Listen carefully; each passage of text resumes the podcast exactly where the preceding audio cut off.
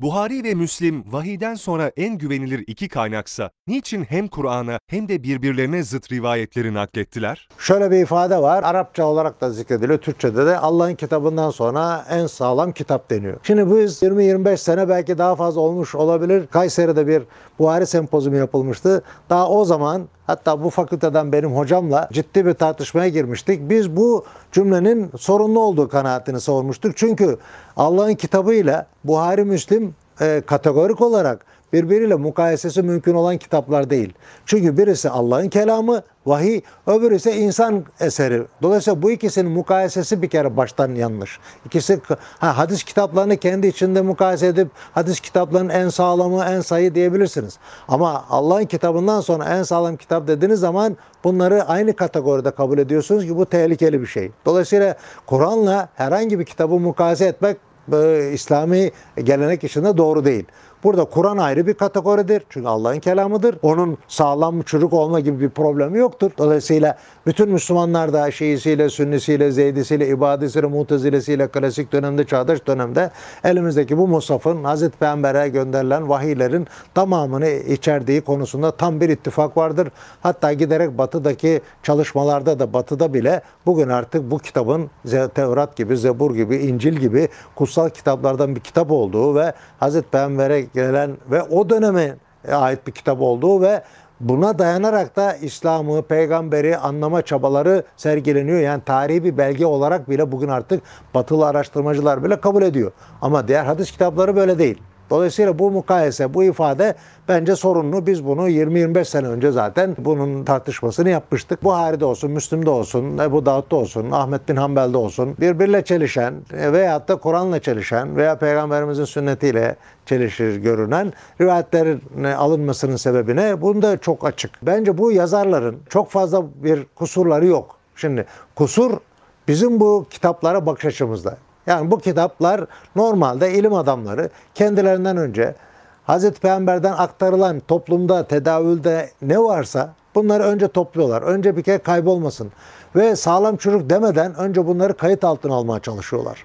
Dev eserler oluşuyor. Ahmet bin Hanbel Müsnedi, Abdurrazak'ın Musannefi, İbn Ebi Şeybe'nin Musannefi bunlar 20, 30, 40 bin rivayet içeren ve sadece peygamberimizden değil sahabe tabiinden gelen ama bunlar hepsi doğru anlamında değil. Bunlar varsa piyasada önce bunları topluyorlar. Sonra bunlar da içine inceleme safhası geçiyor. Özellikle Kütüb-i Sitte kendinden önceki dev hadis literatürünün bir özetidir. O yüzden de Buhari'nin tam adı içerisinde muhtasar kelimesi geçer. El cami, el sahih, el musned, el muhtasar min umur Resulullah ve suneni ve eyyami şeklinde uzun bir ismi var.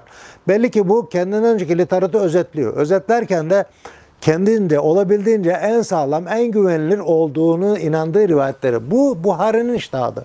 Yani nitekim Müslim'in kanaati farklı. Mesela Buhari'nin kendisinden hadis aldığı 300-400'e yakın raviden hadis almıyor Müslim.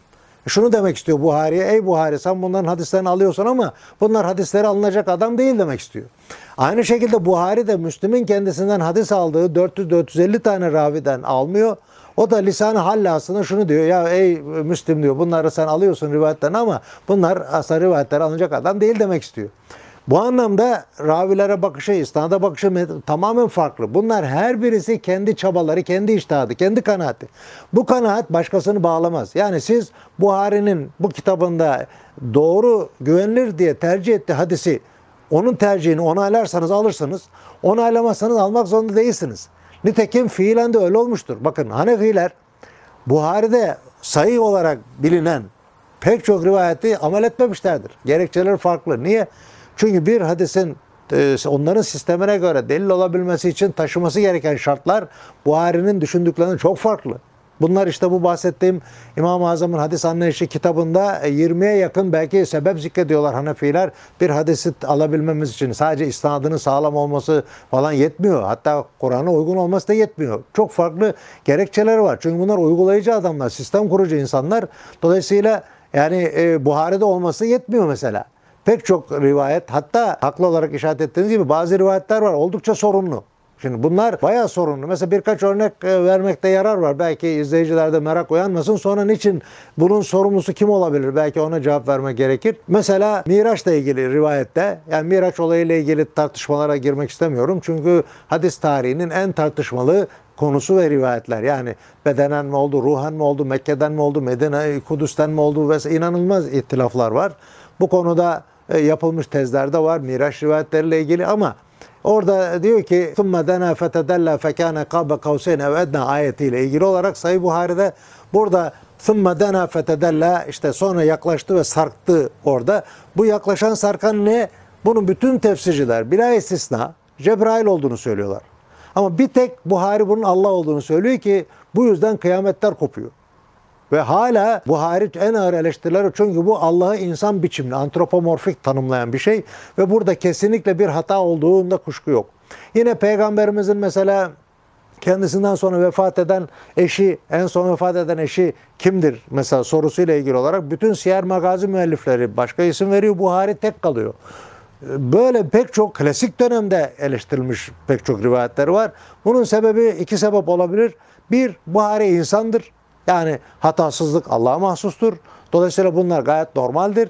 Bana göre bütün bu hatalara rağmen diğer hadis kitaplarla kıyaslandığında yine de onun çalışması başarılı olabilir. Başarılı değerlendirilebilir. Birisi bu. Ama ikinci bir sebep var. Gerçekten bu rivayetler Buhari'nin kendi orijinal yazdığı nüshada var mıydı? Çünkü bizim elimizde bugün sadece Buhari Müslim'in değil, hadis kitaplarımızın hiçbirisinin orijinal yazarı tarafından, onun kaleminden çıkmış hiçbirinin nüshası yok. Bugün dünya kütüphanelerinde, Süleymaniye'de, işte Kahire'de, Şam'da, Bağdat'taki kütüphane İslam yazmalarının, hadis kitaplarının yazmalarının büyük kısmı oldukça geç dönemlerin yani tavşanın suyunun suyunun suyunun suyunun suyu diyebileceğim nüshalar. Bu farklılıklar, bu kopyalama esasında bu yanlışlar da çıkmış olabilir bilmiyoruz. Ama mevcut elimizdeki Buhari'nin nüshasında kabulü mümkün olmayan hatalar var.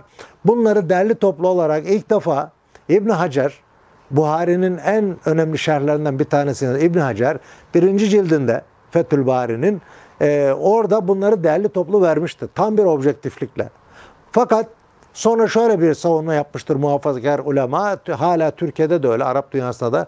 Evet, tarih boyunca Buhari'nin pek çok hadisi veya bazı ravileri pek çok açılardan eleştirilmiştir. Ama İbn Hacer bu itirazlara, bu eleştirilere tek tek cevap vermiştir denmiştir. Biz bu söylemi de analiz etmek için burada bir doktora tezi yapıldı. Şu anda Diyarbakır İlahiyat'ta hocamız olan Mehmet Bilen hocamızın tezi o İbn Hacer'in Buhari savunusu diye yayınlandı. Orada İbn Hacer'in bu Buhari'yi savunmak için ki, ki hayatını Buhari'yi savunmaya adamış bir ilim insanıdır. Yaptığı savunmaların %50 civarında başarılı ama kalan %50'nin o kadar da başarılı olmadığı çıktı. O kitapta bugün piyasada da var görebilir okuyucular. Dolayısıyla Buhari'nin kitabının diğer kitaplardan kitap olmak bakımından hiçbir farkı yok. Sadece Buhari'nin kitabında doğru rivayetlerin oranı daha fazla, problemli rivayetler az ama diyelim İbn-i Mace'nin sünenine gelince orada yanlış veya problemli rivayetlerin oranı Buhari'ye göre daha fazla. Bazı kitaplar var ki tamamen problemli veya uydurma veya çürük rivayetlerden geçilmeyen mayın tarlası gibi olan hadis kitapları da var. Dolayısıyla biz hadis kitaplarına genel bir bakış açısı sunmak durumundayız.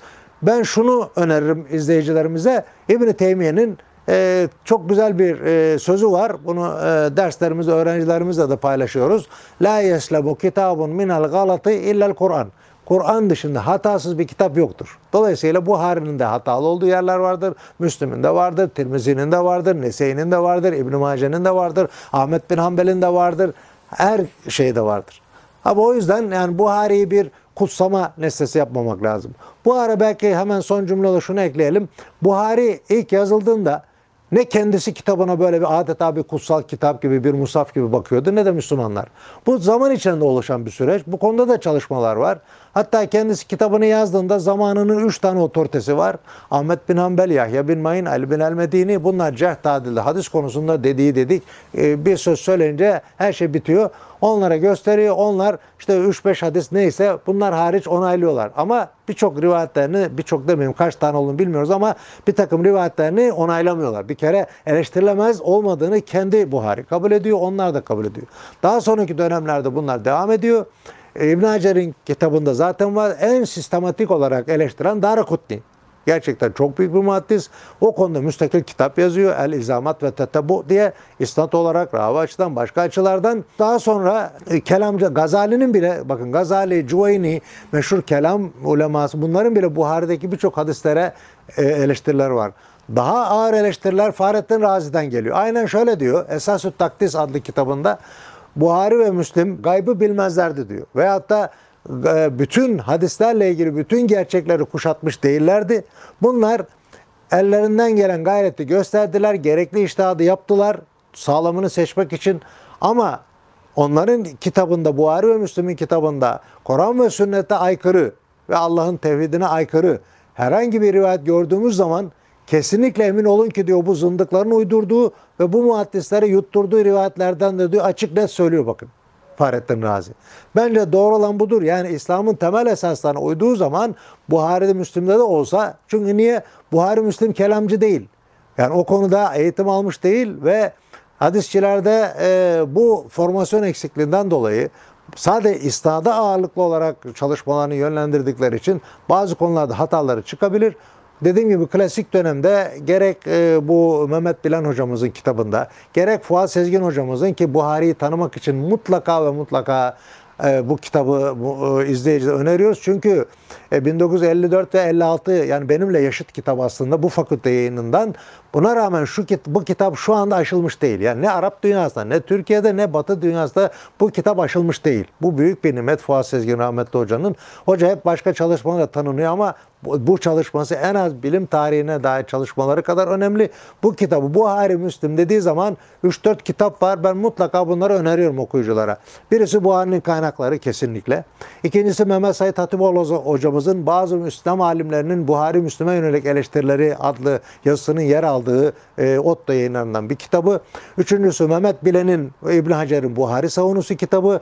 Dördüncüsü Salih Özer, Sabri Kızılkaya'nın hadis literatürü araştırmaları kitabında e, orada Buhari Müslim'le ilgili bir antoloji bir ya, kitapları ve son olarak da İngilizcesi olan izleyicilerimiz için bu Buhari bugünkü kutsal mevkiye adeta teberrük edilen bir muska haline getirilme süreçlerini inceleyen Jonathan Brown'un Canonization of Al-Bukhari and Muslim diye İngilizce pdf'sini bulabilirsiniz, indirebilirsiniz. Bu kitap çok güzel. Ee, Buhari Müslim'i bugünkü mevkiye çıkaran, meşhur eden, adeta kutsal bir kitap haline getiren Şafii hadisçiler. Hakim Neysaburi gibi ve Hakiki ve diğerleri gibi bunun e, çizgisini, bunun gelişmeleri hangi şehirde, hangi çabalarla Buhari bugünkü hale getirildi. Bayağı hacimli bir kitap. Onu görebilirsiniz. Dolayısıyla eğer Buhari Müslim'le ilgili bu e, eleştiriler bir realite, hataları bir realite, hatasız bir kitap değildir. Dolayısıyla biz bu hatalı olan, eleştirilen klasik dönemde, çağdaş dönemde şeyler.